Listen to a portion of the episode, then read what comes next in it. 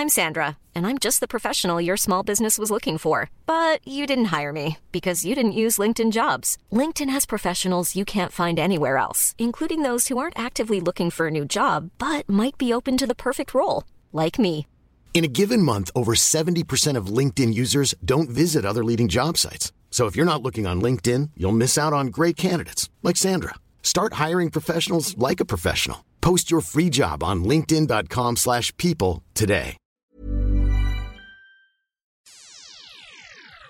Música Miljø- og samferdselsminister Lan Marie Ngoyen Berg kaller elsparkesyklene for den verste formen for disruptiv markedsliberalisme. Det skriver hun i Dagsavisen, og videre at private aktører profitterer på de offentlige rom og skyver kostnader og problemer over på fellesskapet. Elsparkesyklene fører dessuten til flere ulykker enn både sykkel og bil per kilometer. Bør elsparkesyklene forbys?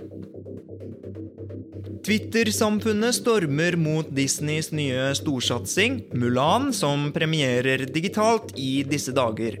De poengterer at filmen er innspilt i områder der den muslimske minoriteten uigurene tvangsinterneres av kinesiske myndigheter. I tillegg reagerer de på at hovedrolleinnehaveren Liu Yifei har utvist støtte til det kinesiske politiet, og dette i forbindelse med Hongkong-demonstrasjonene. Støtter politibrutalitet mener et demonstrasjonstog på sosiale medier under hashtaggen 'boikott Mulan'. Bør vi boikotte Mulan? Oljefondsjef og representant for de superrike, Nicolai Tangen, vekket en av fjorårets største kunstdebatter i anledningen av at han ville donere sin 100-millionerssamling til Kristiansand kommune i bytte mot at Sørlandets kunstmuseum ville gi samlingen evig liv. Nå vil Nasjonalmuseets direktør Karin Hinsbo at milliardæren donerer penger til vårt egne nasjonalmuseum, noe som igjen vekker reaksjoner. Bør Nasjonalmuseet ta imot en pengegave fra Nicolai Tangen? Du hører på Etikk og estetikk, en podkast fra Subjekt. Jeg heter Dan Bychoi og er programleder her i dag. Og jeg skal straks introdusere dagens panel etter denne korte reklamepausen. Vil du og din institusjon være synlig der hvor publikum leter etter den beste kunsten og kulturen? Nå kan denne reklameplassen bli din. Ta kontakt med annonse at subjekt.no for en uforpliktende prat om hvordan du kan nå ut til et stort kulturkonsumerende publikum.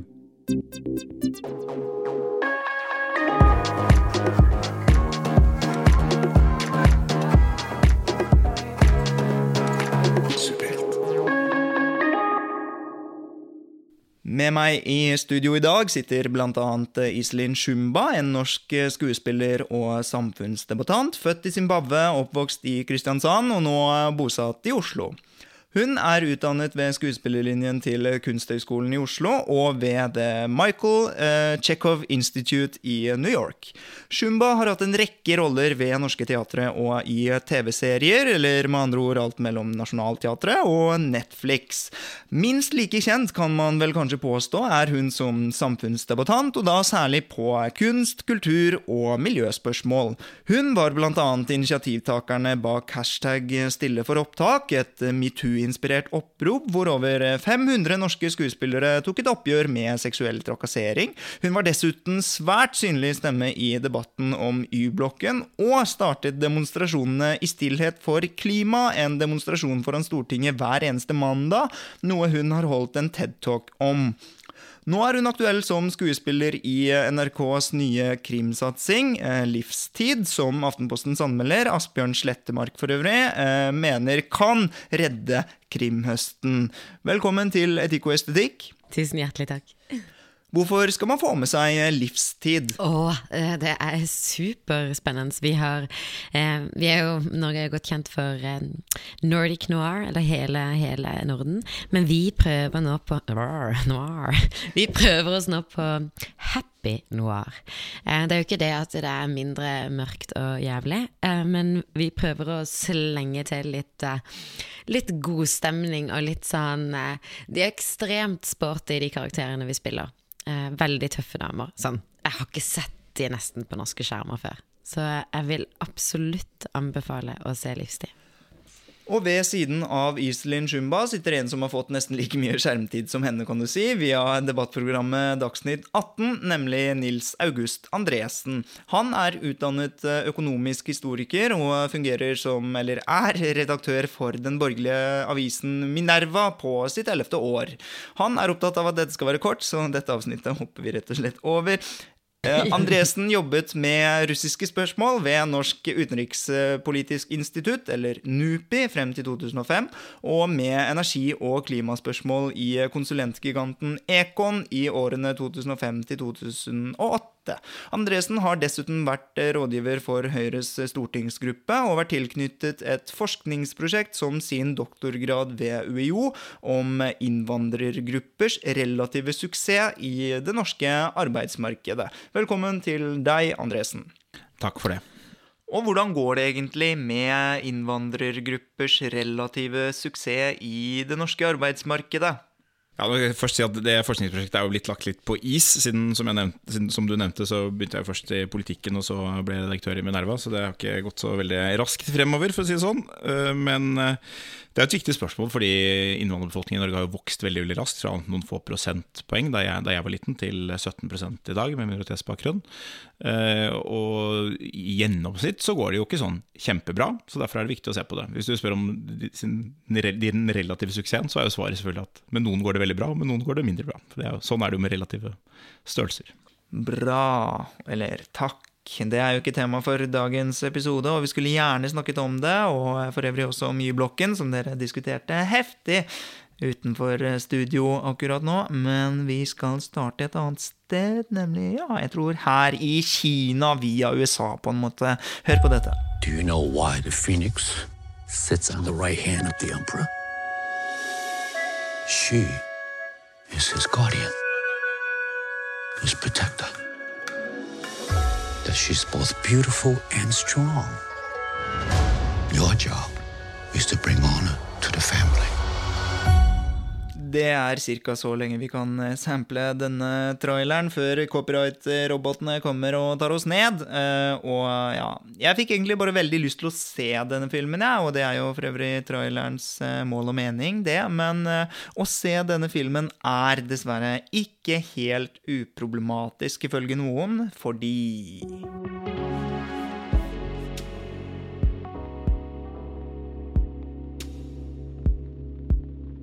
Det er i alle fall to grunner til at Disney-storsatsingen Mulan nå skal boikottes. Det er i hvert fall følge et demonstrasjonstog på sosiale medier som peker på 1. Filmens angivelige tilknytning til en umoralsk kinesisk statsmakt, og 2. At hovedrolleinnehaveren Liu Yifei har vist sin støtte til det kinesiske politiet midt oppi Hongkong-demonstrasjonene. Bør vi boikotte Mulan Iselin Shumba? Nei. Nils August Andresen? Nei. Dobbel nei, og nei, da må jeg rett på med boikottoppfordrernes maske på. Og jeg føler egentlig også at saken fortjener, fortjener en dobbel introduksjon, fordi den er litt sånn kompleks. Eller den er egentlig ganske sort-hvit, men den har i hvert fall to variabler her. Og det ene er det kinesiske statsmediet Global Times. De omtaler jo denne Xinjiang-provinsen nordvest i Kina først og fremst, eller utelukkende egentlig, for sine vakre naturomgivelser. Men når andre medier, de vestlige mediene, omtaler denne provinsen, så er det først og fremst i lys av at stedet også huser den største masseinterneringen av mennesker siden andre verdenskrig. Ganske alvorlige anklager, altså, eller faktisk dokumentert er det at en muslimsk minoritet i Kina, uigurene, sendes til konsentrasjonsleire i Xinjiang-provinsen, og det som er dokumentert, da, er at uigurske kvinner sendes dit for å tvangssteriliseres, blant annet. Men i Mulans rulletekst takker filmen eh, åtte statlige enheter i Xinjiang-provinsen, og en spaltist i The Washington Post rapporterer at fire av disse er rene propagandabyråer for den kinesiske stat. Og eh, kjære panel, er dere uenige i at å se denne samproduksjonen med Visit Xinjiang-myndighetene er med på å renvaske denne provinsen? Ja, altså nå, det, det er spørsmål vi klarer å krangle her, da. Men da kan vi krangle med deg, og det, er jo- det er jo greit. Altså Jeg er jo uenig i det, og grunnen til det er jo ikke at jeg eh, ikke ikke er kritisk til kinesiske myndigheter i denne saken. Det er det all grunn til å være, både når det gjelder den prinsen og, og når det gjelder Hongkong-uttalelsene til, til Liu Yifei. Eh, Men det handler litt om hvordan vi ser på kunstverk. Eh, Hvor jeg mener man bør være varsom i hvert fall med å, med å ty til liksom boikottoppfordringer, sensur, eh, eller, eller, eller å tolke inn en støtte til noe annet enn det filmen faktisk er, ved å se en film. Eh, og det, det er jo litt interessant i denne saken fordi eh, dette er viss- denne Hongkong-saken er jo en viss sånn, sånn sak som typisk høyreliberalere som meg eh, ville Vi står jo på Hongkongs side her. ikke sant? En kapitalistisk eh, gammel kronkoloni for britene og som blir undertrykt av kommunistiske kinesere. Det er en, god høyresak. Men det gjelder her å huske på at eh, det er jo på en måte denne type aksjoner som mange av oss reagerer på ofte når de liksom rettes mot si, en forfatter som har skrevet om transpersoner på en måte som ikke var helt riktig, og så skal boken boikottes osv. Eh, Vi bør være varsomme med den type ting. Og så vil jeg gjerne nyansere det litt etterpå, men kanskje du hadde noe å si først? Nei, jeg tenker at det, det er ikke en renvasking. Eh, ikke overhodet, men det er problematisk. Og jeg syns det er fantastisk at folk eh, krever boikott, for da Nå sitter vi her og snakker om det. Jeg, jeg bare tror at eh, Jeg har tillit til at samtalene blir tatt opp. Eh, og nettopp med at man da vet at ok, jeg sitter her og ser på det, og de, de blir på en måte renvasket, nå gjør jeg et gåsetegn. Eh, jeg, jeg, stoler på eh, Vi har internett, og vi snakker sammen. Og verden er ganske gjennomsiktig. Men det som er litt fascinerende her, er jo at eh, Global Times, som er dette statlige kinesiske medier som hele tiden omtaler Xinjiang som, eh, for sine vakre naturlandskap, de eh, får jo på en måte sin Visit Xinjiang eh, eh, oppdrag eh, fullført når en Hollywood-produksjon fremstiller dem på samme måte, og så takker de hverandre i rulleteksten. Og så har man eh, sett bort, uh, bort ifra at disse samme organisasjonene som jobber for kanskje renvaskingen av uh, Kina og dette området, egentlig jobber med nettopp det, da, renvasking. Tror du ikke denne filmen kan bidra til det, Nils August? Altså, kanskje og kanskje ikke. Jeg tror Det er veldig vanskelig å forutse virkningshistorien til kunstverk, og jeg er litt kritisk til å prøve. Altså Man kan fort risikere at kunstneriske verk som har som intensjon å liksom bidra til noe veldig positivt, antirasisme eller eh, klima, redde klima eller noe sånt, får en helt motsatt virkningshistorie. Så det er det vanskelig å si noe om. Eh, Jeg tror at jeg er litt, jeg er litt kritisk til å, at vi må, må velge å ha et politisk utgangspunkt for en film. Fordi vi må huske på at i verden så er det ekstremt mange betente konflikter. Vi vet bare om noen få av dem i vår lille flik av verden. Og gode mennesker finnes på begge sider stort sett av alle saker. Og dette sier jeg ikke for å liksom relativisere bort disse problemstillingene, men det er bare at det er så mange sånne saker hvor sterke grupper vil si motparten vår er det skrekkeligste i verden. Dette er Hitler på nytt. Eh, Denne type uttalelser kommer hver dag, og vi kan ikke liksom hver gang noen mener det, si at all kunst som på en eller annen måte er berørt, be- berører dette, er galt. Da blir det veldig trangt, kanskje, men, men spørsmålet er jo eh, også litt at eh, man som produsent av en slik film ikke Man har jo lov, man har liksom friheten til det, men man har kanskje også et ansvar, da. Man har et enormt ansvar. Og, og som sagt, jeg bare jeg håper at bevisstgjøringen Og vi vet jo, verden vet jo om eh, uigurene og hva som har skjedd der. Vi har visst det i årevis. Jeg syns jo det er spesielt at ikke den norske stat har gått ut og tatt avstand. Eh, for lengst, egentlig egentlig. Hva er grunnen til at eh, norske stat ikke har tatt avstand fra dette og fortsetter å samarbeide? Ja, nei, det, det, det altså, jeg laks. Jeg tror nok Norge er veldig opptatt av å ha et fungerende forhold til verdens eh, nest største økonomi og kanskje kommende supermakt. At man liksom ikke er helt avskåret fra det. Så det er noen sånne pol- realpolitiske vurderinger. Det er jo han- liksom ikke handler bare om laks. Men, men jeg mener at Norge godt kunne vært tydeligere. Vi er ikke, vi er ikke per i dag så avhengig av Kina at vi liksom trenger å la oss diktere. Uh, men jeg mener at man burde si tydelig fram disse tingene. Og jeg, jeg er enig med Iselin at en positiv effekt av at disse protestene dukker opp, er at man kan diskutere noen av de spørsmålene. Jeg har jo ikke sett filmen, jeg har ikke sett rulleteksten og vet ikke liksom detaljene i det. Og det kan hende man lærer ting som gjør at man endrer syn også. Men bare for å nyansere litt det jeg sa i sted. Altså jeg mener at man skal være veldig tilbakeholden med sånne boikotting overfor kunst, fordi det, det, det reduserer all kunst til noe politisk, og det mener jeg er veldig veldig uheldig for kunsten.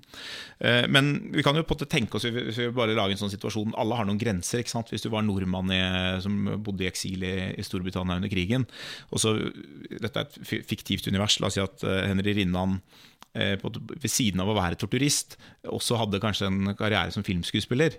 Jeg vet ikke hvor vanlig kombinasjonen er, det kan, du kanskje si noe mer om. Men, men la oss si at han var det, at han var en veldig flink filmskuespiller. At han spilte inn en film som var helt upolitisk og handlet om noe helt annet. Det var en litt sånn Bergman-aktig film om vanskelige familiedrama og sånn. Og så ble den sendt ut på verdensmarkedet i 1944. liksom.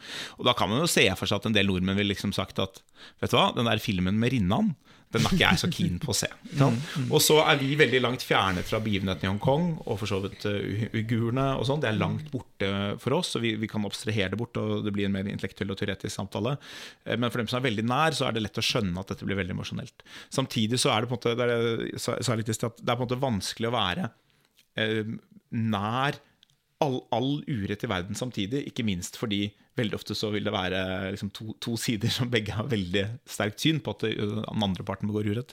Og vi kan ikke på en måte være i alles sko samtidig, og vi kan ikke redusere kunsten til å måtte være det, eller til å måtte ta stilling, eller til å måtte leses gjennom de brillene hele tiden. Er det derfor du sier nei, Iselin, eller?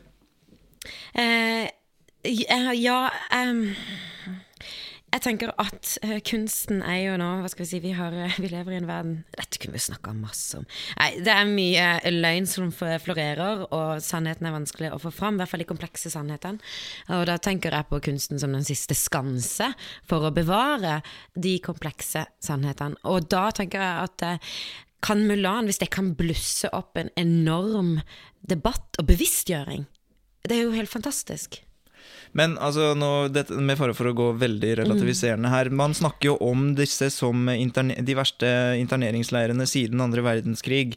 Eh, la oss si at det var flere, eller la oss si at det var andre verdenskrig, og at et mm. Hollywood-selskap ville spille inn film i et område der hvor man drev med ikke sant, tvangssterilisering av muslimske kvinner, en minoritet Skjønner dere eh, behovet for boikott? Altså at, ja, man, at hvert fall når, man, når, dette samme organet som låner ut eh, huset sitt, for å bruke en metafor, driver mm. med denne typen ting i det huset, da. Ja, men Det er godt mulig at vi sitter her om tre år og bare tenker 'gud, så idiot vi var', liksom, som i det hele tatt støtta opp. Det kan godt være, men, men det, det bildet Eller det jeg vet, og det Hva skal jeg si det Nei, det, det, det, er, det er kjempevanskelig. Jeg, jeg, altså jeg, før denne sendingen, så når jeg har fulgt den konflikten rundt Mulan, så har det, det som har vært trukket mest frem, har vært uh, Liu Yifeis støtte til, eller påståtte støtte til myndighetenes håndtering av krisen i Hongkong. Ja, fordi det er jo sammen dette ja, blir liksom bekrefta. Ja, ja. Og, og, og den, både den saken er én type sak for seg selv, hvor jeg vil være veldig kritisk til boikottvirkemiddel. Det er klart altså, Situasjonen rundt uigurene, som er en helt forferdelig uh, situasjon, uh, er en, si, en, mer naturlig kandidat for boikott. Men det er veldig vanskelig å, å si noe mer noe sånn veldig bastant om det uten å ha sett filmen. Igjen så er min holdning at jeg er jeg er kritisk til at alt må politiseres, men jeg, man skjønner jo også at måte, det å lage en film om hvor vakkert det er eh, på den polske landsbygda i 1944, det er liksom litt sånn smakløst. Uh, ja, Bruke et litt forsiktig uttrykk. Mm. Så, så, at det kan være noe sånn La oss si at en amerikansk, uh, tysk sympatiserende filmskaper hadde gjort dette på 40-tallet, så ville, ville, vi tenkt ganske negativt om det. Det, er, litt vanskelig å gå inn i det uten å vite mer om det, men det at de det i seg selv at de har samarbeidet i en, en eller annen grad med kinesiske myndigheter for å kunne lage en sånn film, det trenger ikke være et ekskluderingskriterium. Men det, men det kan godt hende at vi sitter om noen år og tenker litt annerledes om det. Ja, men, det utelukke. Ja, jeg tenker jo at hvis bare, bare Folk som da ja, krever boikott Jeg tenker at bare, de blir jo de, ja, de må bare fortsette. For det gjør jo at Disney må på banen og forklare. Det gjør at hun, hun som spiller Mulan, må på banen og forklare. Og det er jo veldig synd, for det er jo liksom en, si, det er jo en heltinnehistorie. En sånn sterk kvinnelig skikkelse. Så det er, veldig, det er jo ekstremt synd eh, at de klarer å kludre det til. Eh, men som sagt, da må de på banen og forsvare seg. Og kanskje de må ut og si sånn Du, vet du hva, det var faktisk eh, Men Forsvaret er dessverre derimot Eller nå begynner jeg å mene ting her, men eh, dessverre derimot så en, å utvise en støtte til kinesiske myndigheter. For da går vi over på den Hongkong-saken når skuespilleren, hovedrolleinnehaveren, ja. utviser sin støtte til politiet i Kina. Altså ja. i stedet for de demokratene, holdt jeg på å si, de som demonstrerer, demonstrantene, mm. demonstrantene mm. i Hongkong. Ja. Altså, jeg, jeg, jeg, tror at det er, jeg, jeg er ikke helt enig at det alltid er positivt at uh, selskaper og filmskuespillere må måtte forklare seg om, om absolutt alt mulig. Er, hvis du ser, Men uh, igjen, med noen forbehold om at denne saken uh, Hvis du går ut og, og, offentlig støtter, så må du også kunne forklare hvorfor ja, ja, man må kunne forklare selvfølgelig ja. men, men, men, og, ja, og hun må, ja, man ja, kritisere henne, men at det blir på en måte et argument for å boikotte en film. Altså, det er sånn, Hvis du ser på hva filmskuespillere i Norge mener om alt mulig rart altså, Det finnes jo norske filmskuespillere som, som har vært mot å rive Y-blokka. Og vi kan jo ikke En liten internspøk der. Det, man, man ja, kan, det, der, jo, det, der, er en egen men, altså, episode. Det, fin, det finnes norske, norske, filmskuespillere har vært glødende kommunister, de har støttet Pol Pot, de har gjort masse forskjellige ting. Uh, og det er jo forferdelig, og man kan gjerne konfrontere dem med det, men man kan ikke, skal ikke dømme liksom, hele filmuniverset uh, på grunn av det. Og det er min utgangsholdning til denne saken. Man må gjerne avkreve hennes svar, men på en måte uten å blande inn filmen. Og så er spørsmålet både hvis selve filmen på en eller annen måte er med på å bagatellisere eh, overgrepene mot uigurer. Og dette er, jeg har ikke sett filmen, så dette er et forhold. Det men, tror jeg ikke filmen er. Det Det handler bare om landskapet hvor man har ja, filmet her. Så, så, okay, men, altså, okay, jeg, jeg, skjønner at man kan reagere på det, og at man kan diskutere det. Man kan selvfølgelig spørre Disney om dette.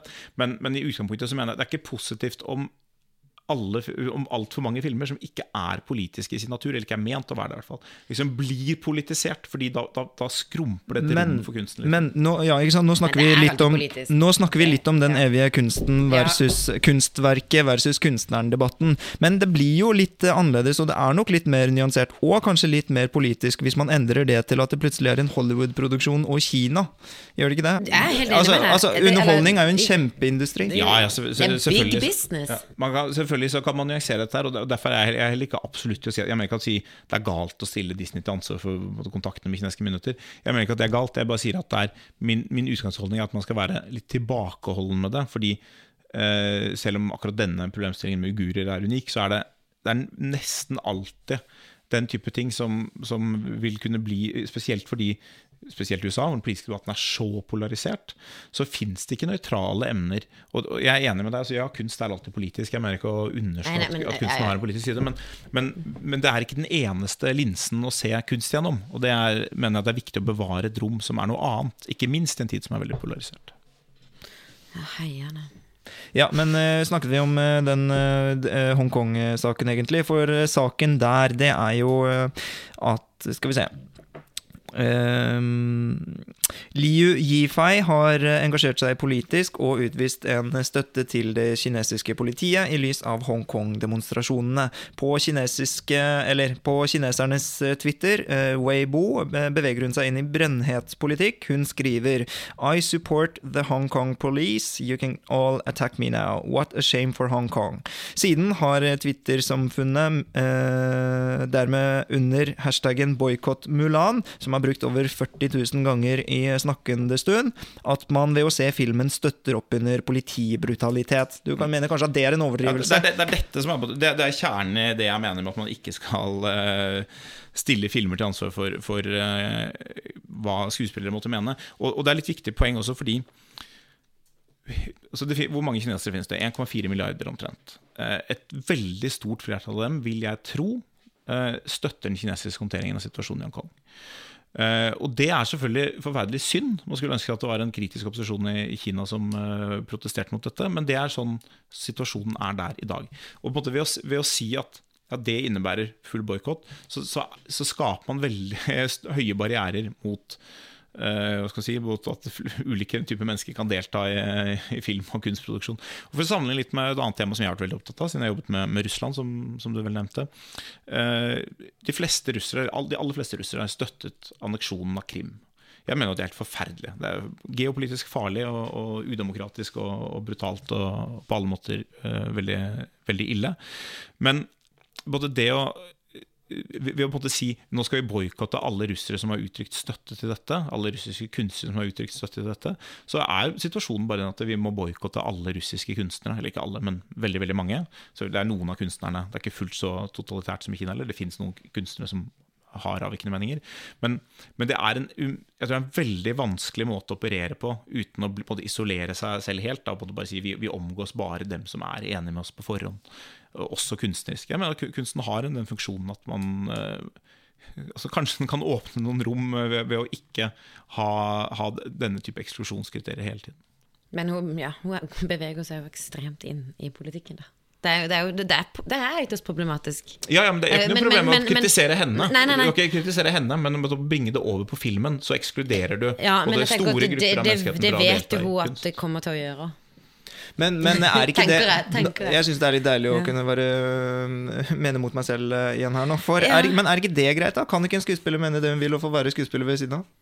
Hva med deg selv? Du er jo også i stillhet for øh, klima osv. Tenk, om- tenk om øh, oljelobbyen skulle liksom gått på Twitter og ment at øh, Eller krevd at man skulle boikotte din film.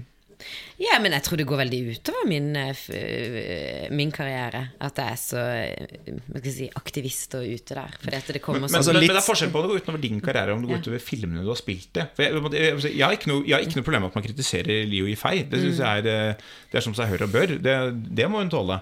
Det er, det er den boikott Mulan-bevegelsen som altså, I den grad den er begrunnet til dette, den mener jeg er feilslått. ja, Som at at oljen skulle gå ut og boikotte ting jeg har vært Ja, med og at de, Ja. at de boikotter filmene dine. Da ikke sant? tenker jeg at da hadde vi fått en brennaktuell samtale om klima, da. Ja, ja, det kan du si. så, så det tenker jeg det hadde vært eh, Men, ikke- men boikott den inviterer jo egentlig ikke til samtale, den gjør det motsatte. Ikke sant? Den, øh, den, øh, det, det er jo i boikottens betydning. Ja. Men så blir det jo samtale. Heter Sofie Elise, og du hører på Etikk og estetikk, en podkast fra Subjekt.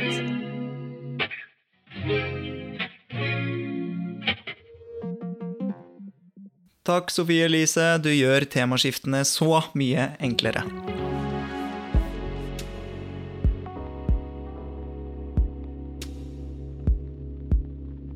Nicolai Tangen har virkelig klart det. Nå har han med sitt eh, selvoppbygde milliardfond, Ako Foundation, blitt invitert av Nasjonalmuseets direktør Karin Hinsbo til å donere til museet. VG dekker saken kritisk, peker på inhabilitet, og senere fått Nasjonalmuseets direktør til å beklage. Også stortingspolitikere har uttalt seg i saken og mener at Hinsbo håndterte saken dårlig, og saken den er at Hinsbo tidligere i år møtte Nicolai Tangen i London for å foreslå en pengegave til museet. Hun har selv erklært, og av advokater også fått bekreftet, at Hinsbo og Tangen er for gode venner til at Hinsbo skal kunne vurdere en slik pengegave. Likevel mener hun at Nasjonalmuseets styre eller en eller annen komité kan vurdere pengegaven. Det vekker jo i det hele tatt en større debatt og et større spørsmål, for da Nicolai Tangen ville gi bort sin 100-millioners kunstsamling til Sørlandets kunstmuseum, og reiste sitt egne kunstsiloprosjekt i bytte mot at kommunen skulle gi denne samlingen et evig liv, da, så vekket det en av fjorårets største kunstdebatter. Det gjorde det også da Nasjonalmuseet inngikk et samarbeid med Fredriksen-søstrene, som ville låne ut sin kunstsamling mot heder og ære og eh, et rom eh, å låne ut kunsten sin til da på Nasjonalmuseet. Er det så farlig, egentlig? Eller bør vi, eller vårt nasjonalmuseum, ta imot en pengegave fra Nicolai Tangen, Iselin Shumba? Uh, ja. Uh, Nils August Andresen? Ja. Skal vi være enige om alt nå? Nei, nei, nei, men det her er jo Det er jo, kjem, det er jo eh, komplisert. Ja, Man eh, resonnerer litt forskjellig, men konkluderer likt, virker det som. Eh, Ja. Vi starter med deg, Iselin. Hvorfor bør vi ta imot en pengegave fra Nicolai Tangen? Nei, nå er det jo sånn at den regjeringa eh, vi har, krever jo at offentlige kunstinstitusjoner skal, skal hente Institusjoner skal hente penger fra det private. Eh, og da må de jo få gjøre det. Så jeg tenker jo absolutt at, at Karin Hinsbo kjenner han. Ok, ja, det er problematisk, men vi må jo Ja. Men eh, all den tid kunsten skal være fri osv., skal, skal altså de rikeste, de steinsuperrike, få være med å definere hva slags kunst du og jeg Nei, får se men, på? Ja, men vi tenker med eh, kuratering og reguleringer så det holder. Um, og jeg tenker jo at det er jo Vi har jo Ja, det er veldig viktig at de blir eh, si, holdt i tøylene. At man eh, closer gode deals. Ja, ja.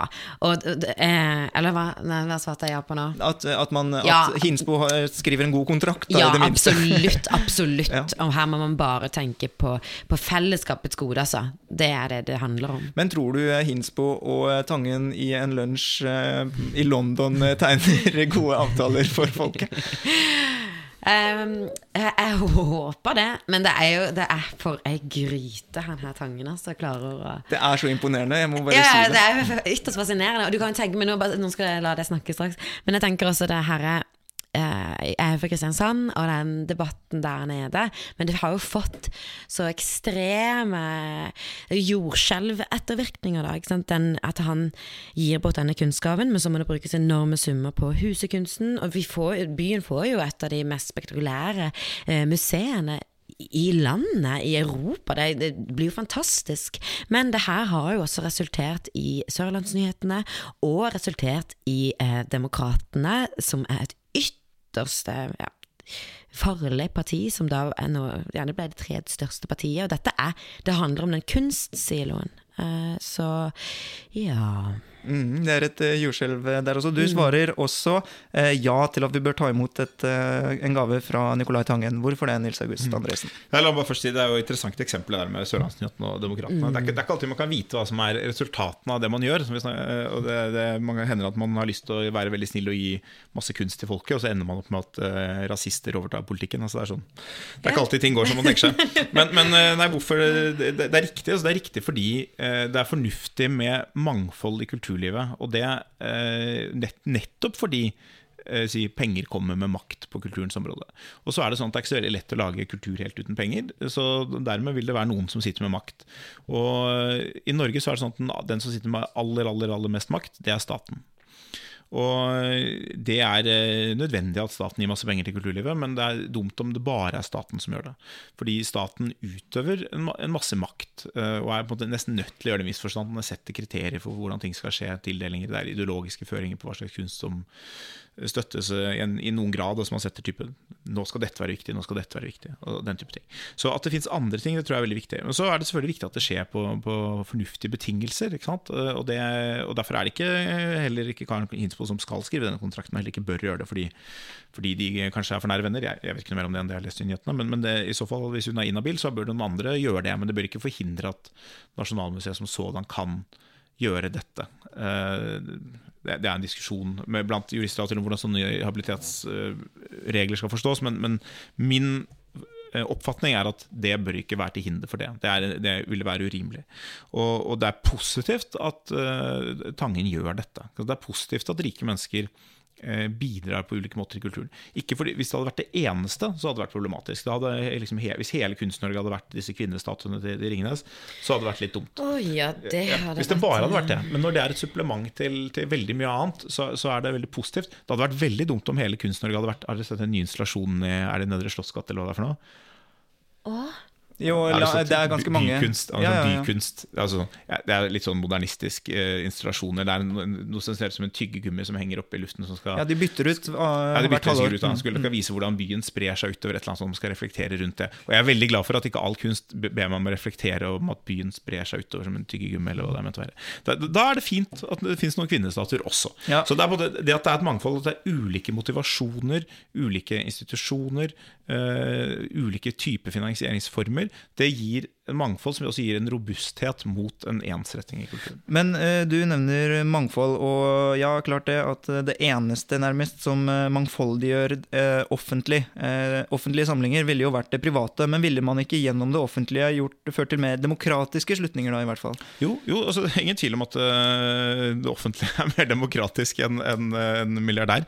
Men, men det, det er det som er statens styrke, og, og øh, på, noen ganger også da en begrensning. Og det er at øh, Staten kan reflektere folkeflertallet, men den, gjøre, den er ikke så flink til å gjøre mange, ting, mange ulike ting på en gang. Staten er ikke så flink til å gjøre motstridende ting. Eh, Så, så for å være sikker på at kunsten reflekterer Uh, ulike typer strømninger, ulike typer logikker, så trenger man noen logikker som er annen logikk enn det staten er nødt til å ha. Altså Staten kan selvfølgelig ha sånn, vi kan ha en minoritetskvote, vi kan ha en sånn kvote, det skal være noen nordlendinger skal være representert. Vi kan ha den type mangfold. Men den klarer på en måte bare å følge én logikk av gangen, og er nesten nødt til å gjøre det. ikke sant? Den må ha noen beslutningskriterier for hvordan kunsten, eh, hva slags kunst som får støtte, og hva, hva slags museer som, eh, hvordan de drives og kurateres og opprettes. Den kan ikke være så intuitiv. Nei, den kan ikke være intuitiv, men først og fremst så kan den ikke være så selvmotsigende. Den kan, den kan ikke være fundamentalt mangfoldig. Eh, Når staten tar en beslutning, så tar den én beslutning. Og når vi trenger mangfold, så, så hender det at det er bra at det fins andre ting enn staten som har innflytelse i samfunnet. Det er alle enige om, tror jeg, eller veldig mange enige om, i utgangspunktet. Ja, det, det er jo ikke det, men jeg skulle jo ønske at det var Jeg ønske at eh, man fikk mye mer eh, offentlig støtte til Det kan man jo skremme, men tenk på en annen måte. Eller jeg tror det hadde, tror det hadde tjent eh, kunsten og kulturen. Jeg tror det hadde tjent debattene våre.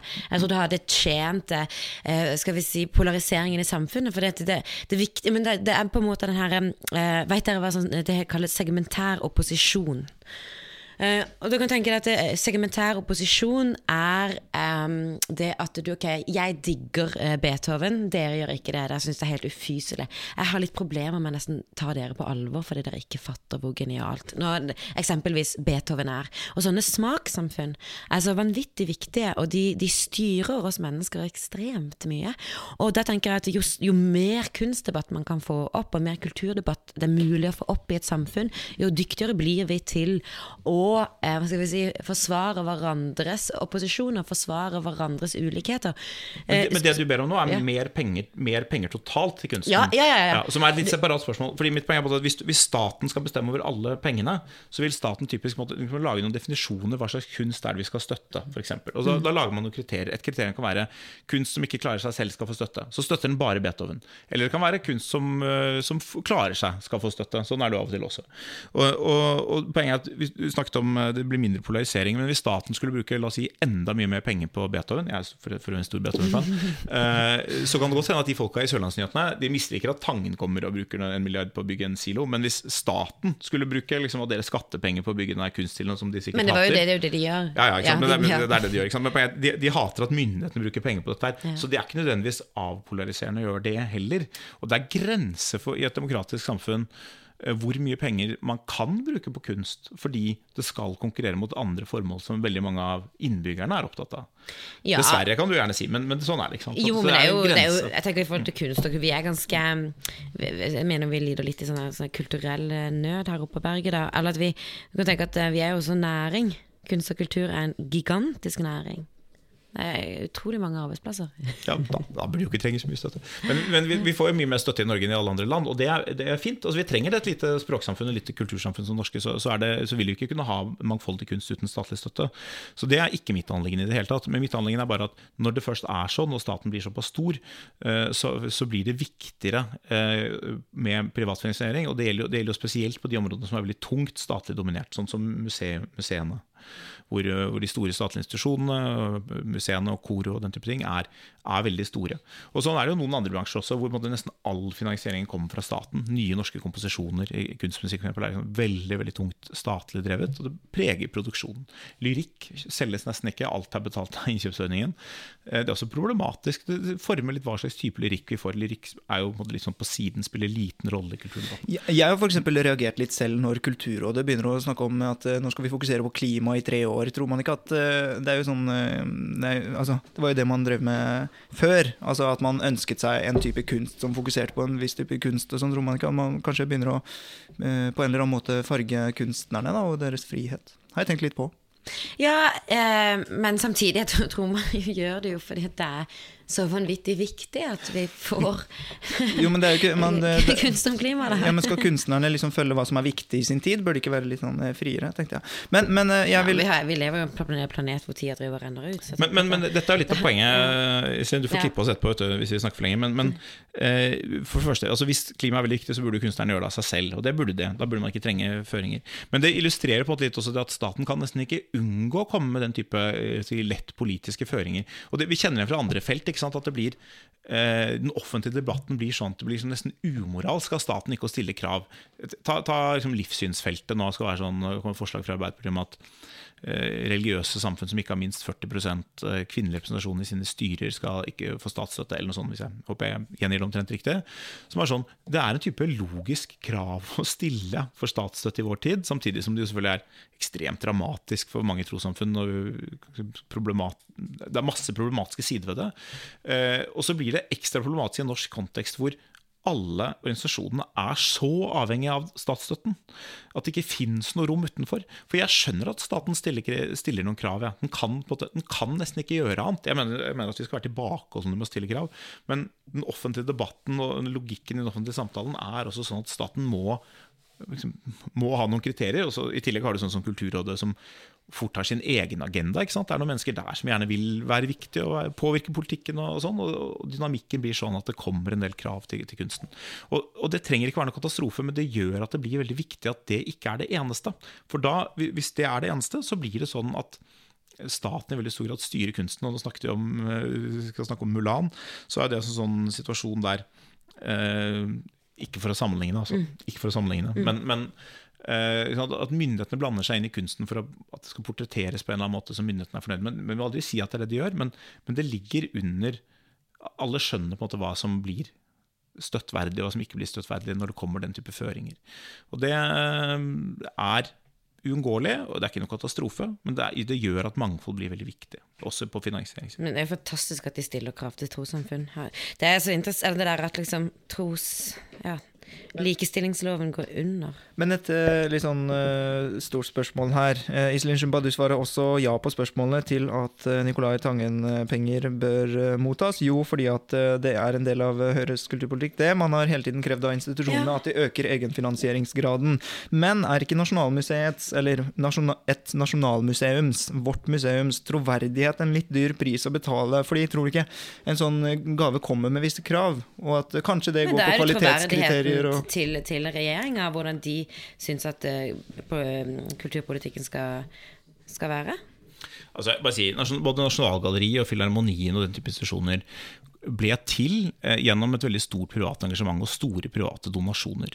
Eh, og både den tanken vi, når vi, når vi, og så, så ble, kom staten etter hvert mer inn eh, og betalte mer og mer. Og så har vi vent oss til å tenke at eh, statlige penger er uproblematiske, mens private penger er liksom Eh, ikke bare potensielt suspekte, men liksom iboende nesten onde. Det mener jeg er en helt, helt tullete måte å se på det ja. på. Det aller meste, de aller fleste museer historisk er blitt til gjennom private donasjoner. Noen av dem med dårlige motiver, noen av dem med gode motiver.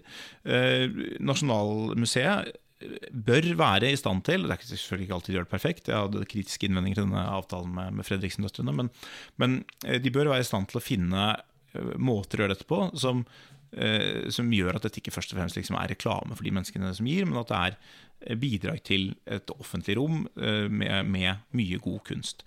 Og det har jeg en viss tillit til at det, at det, skal være mulig å få til. i hvert fall. Men den tanken om at det, liksom, at det på en måte er illegitimt, eller at det er det, er feil at du, du sa, vi selger sjela vår, eller vi, vi, selger museets troverdighet. Det ville ikke vært noe museum, det ville ikke eksistert noe nasjonalmuseum hvis ikke folk hadde gitt noen gaver opprinnelig til Nasjonalgalleriet. Nei, og så er jo skattepenger også stort sett oljepenger og våpenproduksjon og uetisk fiskeoppdrett for øvrig også. Mm. Uff.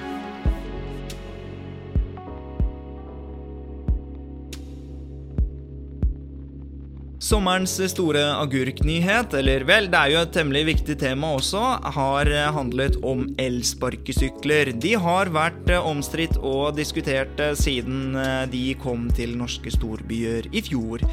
Nå er det på tide å gi slipp på FrPs liberalistiske prosjekt og få elsparkesyklene inn i ordnede former, skriver Miljø- og samferdselsbyrådet i Oslo, Lan Marie Ngoyen Berg fra MDG.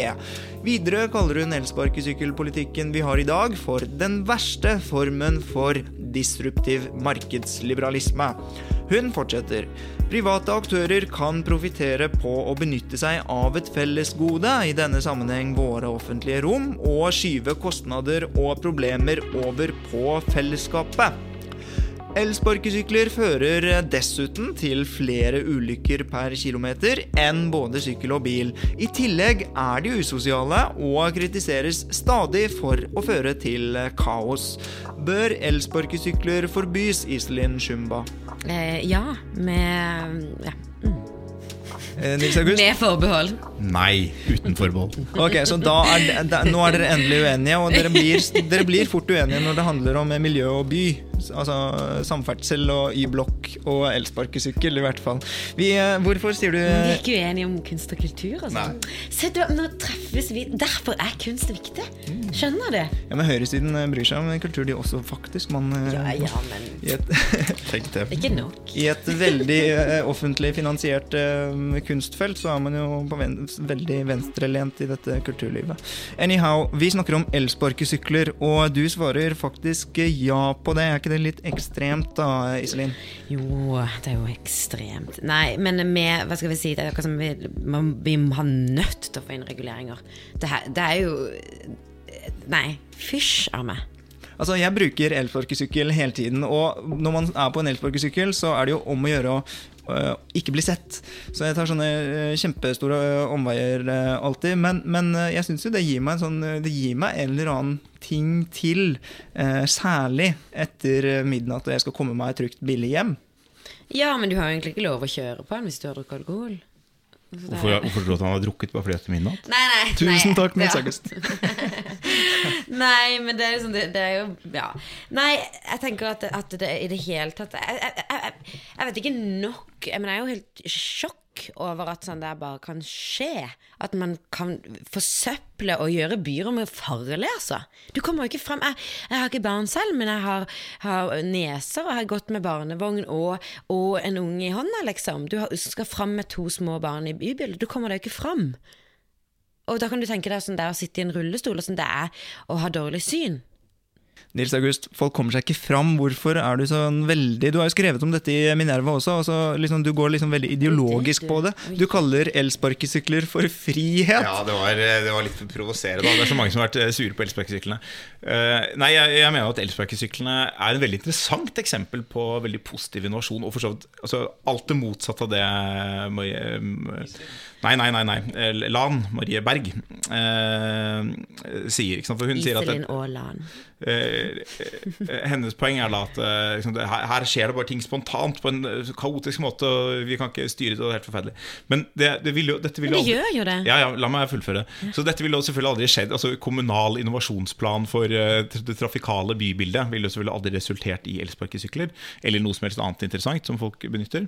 Eh, Så dette er veldig interessant. Det har skapt et enormt marked. eh, og det er positivt, og så må det reguleres. Men la meg si noe om hvorfor det er positivt. Altså det, Denne innovasjonen peker frem mot noe som egentlig Iselin burde være veldig glad for, nemlig eh, den bilfrie bykjernen. Eh, og kanskje mer, avhengig av hvordan denne innovasjonen utvikler seg. Ikke sant? Fordi Hva er det dette gjør for noe? Det er et, eh, et mobilt eh, så Det øker mobiliteten vår veldig. Det er det jeg møter med sånn- den følelsen av frihet. Vi Plutselig kan vi være hvor som helst i byen når som helst. Det øker radiusen vår. Eh, det, det er veldig bekvemt, det er derfor det har så stor uh, etterspørsel. Og vi, det er kommunikasjonsformer der vi, der vi ikke har det problemet som vi har med biler. At bilen brukes 4% av tiden, eller så står den parkert og tar opp masse plass. Uh, og så syns vi at det er litt kaotisk sånn som det er parkert, men herregud, tenk, altså, vi har vent oss til bilene, men tenk hvordan altså gateparkering, tenk hvor kaotisk det egentlig er, og hvor mye plass det egentlig tar opp, og hvor farlig det er for barn og andre som ikke ser biler komme når man går ut gjennom biler. Er dette relativisme? Nei, dette, altså, Poenget mitt er at dette, er en, dette peker fremover mot en type eh, samferdselsform der vi ikke trenger å eie så mye infrastruktur eh, selv. eh, der den, de redskapene vi har, benyttes en større del av tiden. der det er elektrisk. og, og, og det peker frem mot andre innovasjoner også. Nå, for denne uken eller forrige uke så kom det da disse leie-elsyklene. Som jo er et fantastisk tilskudd. Som Jeg vet ikke om noen ville turt å liksom rulle ut det hvis ikke elsparkesykkelen hadde vist vist vei, og det er et fantastisk tilbud som gjør at man kan eh, både få litt trim, og det, er, det, er et, det holder seg litt mer i sykkelfeltet, og det er, det er ikke sånn man kan kjøre opp på fortau og lage kaos så mye av der, og har, man får på plass litt bedre parkeringsordninger for disse tingene. Eh, Og det peker frem mot en en by der vi ikke er avhengig av bil på den måten vi er i dag. Altså Noen mennesker må kjøre varer inn og ut, og sånn, men bykjernen vil kunne bli eh, veldig mye mer bilfri enn den er i dag, og bevare borgernes mobilitet. Det er fantastisk positivt og peker fremover mot nye samferdselsformer som er mye mer miljøvennlige. Men Selv let's be selv om real. problemer i dag. Ja, for, ja, nettopp. Fordi eh, det er jo Det ser jo nesten ut som anarkier uh, enkelte steder hvor de parkeres eh, rundt omkring på fortau osv. Hvordan kunne man regulert dette, da, hvis du eh, skulle Ja, altså, hvis jeg skulle foreslå altså, det, det, Veldig mye av det problemene som er, er jo all, allerede i seg selv lovbrudd. Og så er spørsmålet hvorfor ikke dette på en måte, påtales og følges opp mer. Det er selvfølgelig et ressursspørsmål. Man kan ikke, man kan ikke følge opp alle den type ting. Det ville knekke politiet. Noen, noen ting man kunne gjort. Altså, noen av disse tjenestene har jo et krav om at man skal ta bilde av parkeringen. Ok, man kunne gjort det, og hvis, det var, hvis man finner øh, ulovlig parkering eller veltede sykler øh, og sånne type, type ting, så burde man da kunne vite hvem, øh, i hvert fall den som parkerte den, kan man sjekke at de parkerte den som de skulle. Kan det jo selvfølgelig ha vært noen andre som har tullet det til etterpå, men det, det, er én type kontroll man kan ha. Eh, Jeg er ikke fremmed for å regulere hvor lenge altså om man skal kunne bruke det hele natta eller ikke, eller om man må ha mer aktiv promillekontroll, eller hvordan man skal gjøre det. Eh, Men altså, det, er, det, er, ting her som må reguleres, det er jeg helt enig i. Men jeg tror også no, eh, altså, det, er, det, er riktig, det er også riktig at det er mye flere ulykker på dette. Ja, for folk dør på Ja. elsparkesykler, eh, Nils August. Ja, i, Nor I Norge har de ikke gjort det en, ennå. En det er- Nei, men det er, det er jo det som er Men det er riktig at folk dør. Man folk dør i, traf i trafikken på andre måter også. Og så, Det mener jeg ikke å si for å relativisere det, men jeg vil si to ting om det. det ene er at, eller tre ting, kanskje. Det ene er at Undersøkelser i USA viser at ulykkesfrekvensen går ned etter hvert som folk venner seg til til fremkomstmiddelet, som virker logisk. Der man er, folk er klønete til å begynne med, så går det, går det litt bedre. Ja, ta den der med ja. per kilometer. Uh, Ja, jeg lurer på om det er åtte ganger så mye som for sykkel. Altså Så det er absolutt ganske mye. Uh, Jeg mener ikke å bagatellisere ulykker, ikke, ikke dødsfall. Vet, det, det er veldig få dødsfall uh, enn så lenge. Men vi må jo selvfølgelig gjøre noe med det. Altså, hvis du tenker bil, bildødsfall Det har jo gått veldig veldig ned de siste 50 årene. Fordi vi har fått bedre reguleringer, bedre sikkerhetsutstyr osv. Og, så videre. og det er måten å tenke om denne type ting på. Ikke tenke sånn nå må dette forbys, men å tenke kan vi på et fornuftig måte regulere dette her. Og da har man en måte å regulere det på, er at det blir hvis man anerkjenner at dette er et viktig fremkomstmiddel, legge bedre til rette for det trafikalt. F.eks. er det et ekstra argument for å bygge ut sykkelveier. Mange av sykkelveisatsingene til MDG har dessverre vært veldig mislykkede fordi økningen i syklisme har vært så liten. Men med disse elsparkesyklene så, så vil, jo, vil, vil sykkelveiene kunne lønne seg fordi det blir mye flere brukere av sykkelveiene. Men det er jo det, vi, det Jeg sier også det at det er bare vi må ha nødt til å ha reguleringer inn, og man har nødt til å ha elsparkesykler med kvalitet. Jeg vet ikke, de her har de en varighet på tre-fire uker, og så er de søppel. Det, det, må, inn- det må lages Og det er jo noe med det Det er jo det, er jo det private markedet gone wild. Og det er, jo, det er jo det vi ser. Og det, hvorfor skal vi da Man skal få skjønne ja, men det er en så deilig følelse. Ja, men dette her er over styr. Men, men altså bare ta dette, du sier at de, jeg tror de varer en, en halvannen måned eller hva det er. Eh, Jeg er enig at man Ja, det er jo heller ikke nok. Nei, Man må få på plass gode resirkuleringsordninger. Men husk da at disse brukes nesten kontinuerlig. Hvis du sammenligner dette med si en bil da, som folk har i hvor mange år? Fem år, og den brukes 5% av tiden. Og så blir den solgt videre, eller havner som eh, altså, Håper de holder litt lenger, men så havner de som, eh, som skrap eh, og veier hva da, 100 ganger så mye. Altså, du, jeg er enig i at man, man må sette seg inn i dette her og, og prøve å regulere det på en måte som gjør at også, også si, materialsiden og klimasiden i produksjon og, og, og sånn blir ivaretatt. Men det jeg er opptatt av med denne innovasjonen enn, jeg, jeg anerkjenner at det er en del problemer um, på reguleringssiden, uh, selvfølgelig. Men jeg har vært veldig positiv til dette, litt fordi det er, det er veldig mange som ser alle problemene og ikke måte, ser ordentlig de mulighetene som ligger her. Dette peker frem Jeg ser, jeg ser de, altså. Jeg bruker sparkesykkel av og til sjøl, jeg. Det er fantastisk, men, men mm. Men eh, det er en kjempedyr pris å betale. da Byen blir kjempestygg, og man eh, Nei, men gjør den det? Og så stimulerer man ikke til å gå Ja, det, sy det syns jeg er det verste aspektet ved det. da Jeg syns det er kunst, det. Det er moderne kunst. Oi Du må få statsstøtte. Nei, det er noen Jeg har faktisk aldri tatt bilder, men, det, men det, er, det er jo Jeg har jo hver dag har jo en sånn herre At man faktisk blir helt i sjokk over hvor, den, min- min- min- hvor den står, hvor de ligger, eh, og folk som ikke er ansvarlige, eh, som kjører på ansvarlig måte. Det er, som, det er daglig. Eh, og, det, og jeg går jo rundt på to friske bein. Hvordan, ja. Ja, altså, jeg, jeg, det, det er ting å ta tak i der. Men jeg for det første så er det Jeg er jo byen eh, hver dag, jobber midt i sentrum.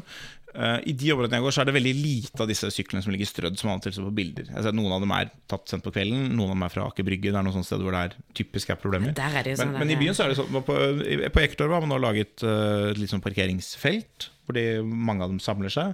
Eller så står de ofte langs husveggene. Når jeg kjører hjem, så ser jeg sånn oppover den veien der jeg bor, så er det så er liksom en elsparkesykkel utenfor hver port omtrent. Og det er sånn, Noen, noen kanskje dere syns det er sånn, å herregud så forferdelig stygt. Men sammenlignet med ba- alle disse bilene som står overalt, og som mange også syns er stygge, det er noe vi har vent oss til, og derfor behandler vi det på en helt annen måte, mye mer nøytralt. Jeg synes Den estetiske biten av dette er, liksom, det er den minste biten. Det er et problem med trafikksikkerheten. Det, det er selvfølgelig kjempeviktig, det må man se på. Uh, og så er det noen typer andre, både for de som bruker dem og for, for andre, og så er det noen type andre problemer som man er nødt til å, å regulere. Men jeg ser ikke helt for meg at dette er noe altså, Det er ikke noe grunn til at dette ikke skal kunne la seg regulere fornuftig. Man må sette seg ned og gjøre den reguleringsjobben. Men det som er, man jo må to, det er jo alle. to år siden det, de kom, er det ikke det? Jo, ikke sant, men, men, Da, hvorfor har ikke det skjedd allerede? Nei, det kan du hvorfor har man ikke laget lagd Man må lage plasser hvor man parkerer. Man, det, det, går ikke. Nei, men det, men det er eh, altså det, det, er jeg enig i. Det- er synd at man ikke har, har brukt den tiden bedre. Men bare for å si det sånn, tenk på da bilen kom. Eh, Så tok det jo det tok lang tid før man fikk på plass gode reguleringer. Til å begynne med Folk var vettskremt for biler. For de, de trodde jo at monster fra en annen verden løp opp i skogen og gjemte seg når de, når de så det. Og, og så har vi liksom gradvis fått på plass masse reguleringer. Og så Den type ting går fortere og fortere å lære seg å regulere det. Men at, at den innovasjonen som kom for eh, et år siden da, til Oslo, eh, ikke liksom ennå er fullt ut gjennomregulert, det tror jeg vi må leve med. Jeg skjønner at det er, eh, at det er at, ja, det er ulykker der og en del andre sånne ting. Men jeg mener at i bunn og grunn så er dette et eksempel på en, på en vellykket side ved en, et friere samfunn enn det Anne Marie Berge ønsker seg. Nemlig at det kommer innovasjoner, og så ja, så har de noen problemer, så må vi lære å møte dem, men det er noe som peker fremover, og som gjør at mennesker eh, opplever en positiv endring i sine liv, veldig mange. Men miljøaktivist eh, Iselin Shumba, er ikke dette grønn innovasjon? Og er det ikke bare bra at man stimulerer til mindre bilbruk? Jo, det er jo det. Så det, det er, alt har jo det, det er jo komplekst. Men det er samtidig man, Det er noe med Det er jo noe med det der eh, nyliberalistiske samfunnet da, som kan Hvis vi må være nyliberalister for å redde klimaet, så kan det være det samme. Eh, Jo, men man ser jo så tydelig da at det, liksom, det kan være hvilke liksom, du, du, du, du trenger ikke å lage en ordentlig sykkel, det kan være en ganske rælete sykkel, og du kommer inn og du bare Big business. det er fullstendig ukontrollerbart, og det Ja. Merker du som liberal at eh, det liberale har et eh, imageproblem? Nei, altså, ikke- jeg regner meg stort sett konservativ, og sånn så var det mange uh, I Minerva så ble det jo litt furore da jeg, jeg gikk ut og støttet elsparkesyklene. på denne- Ja, det ble det, ja. ja. da. Ja, ja, Så det er ikke alle der som er enig i det. Men, men det, jeg merket at denne her Den trigget litt sånn den liberale delen av meg. Og da jeg, jeg, da jeg oppdaget disse leie-elsyklene, da, da hadde jeg sånn følelse sånn Jøye meg! Nå leverer kapitalismen. Dette er liksom akkurat den innovasjonskraften. Og det, jeg tror det er noen eh, det, tre gutter fra Stovner eller noe sånt, som har, har kommet med denne leie-elsykkelsaken. Som jo er fantastisk. Og så bare ta et eksempel for, for, for meg. Det er sånn Jeg har vurdert lenge om liksom, skal man, eh, tør, tør man å satse på elsykkel. Kan det eventuelt erstatte bil? Det er, sånn, det er en vanskelig prosess. og Nå får man muligheten til å teste ut dette. her Og kanskje det er innen man skal ta en beslutning. Kanskje det ikke er nødvendig å anskaffe det i det hele tatt. Kanskje, det er, eh, kanskje transport er blitt gjøres på en helt annen måte, som krever mye mindre infrastruktur, og mye mindre, mindre ting. At vi eier mye færre ting, og at vi trenger mye færre av dem. Ja, og det, det er jo dit vi må. så, så det er jo Men det, er, ja, men det Men var du, du vil helst at Eivind Tredal skal vedta de sånne derre Nå kommer budsjettet, vi skal kjøpe 400 statlige eller kommunale elsparkesykler. De skal være røde og grønne. Nå gjør, eh, Nei, men ja Jeg tror vi, jeg tror vi Sorry, Eivind. var ikke ment Ja, nei, nei, nei, du må bare si sånn, men eh, mm. Du hører på Etikk og Tusen takk for besøket, Iselin Shumba og Nils August Andresen. Hyggelig å være her. Du, tusen takk for at jeg fikk komme. Og i neste episode av Etikk og estetikk så skal jeg eh, velge å ikke røpe gjestene denne gangen, men eh, du får det i hvert fall med deg. Vi har jo hatt eh, litt av en lineup hittil og lover samme gjeve standard. Husk å abonnere og følge på eh, de plattformer der hvor du hører på podcaster. Vi heter Etikk og estetikk. Anbefal oss gjerne til en venn, så fremt du eh, mener at eh, det du hørte på nå, var noe å anbefale videre, da. Til slutt har jeg også lyst til å takke Stiftelsen Fritt Ord, som har støttet Subjekt siden dag og da særlig med støtte til podkasten Etikk og estetikk, som du hører på nå. Vi poddes.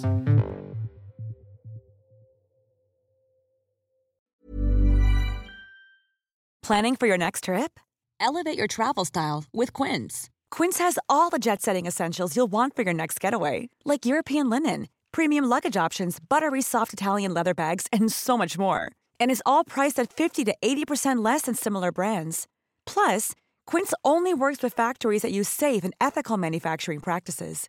Pack your bags with high-quality essentials you'll be wearing for vacations to come with Quince. Go to quince.com slash pack for free shipping and 365-day returns.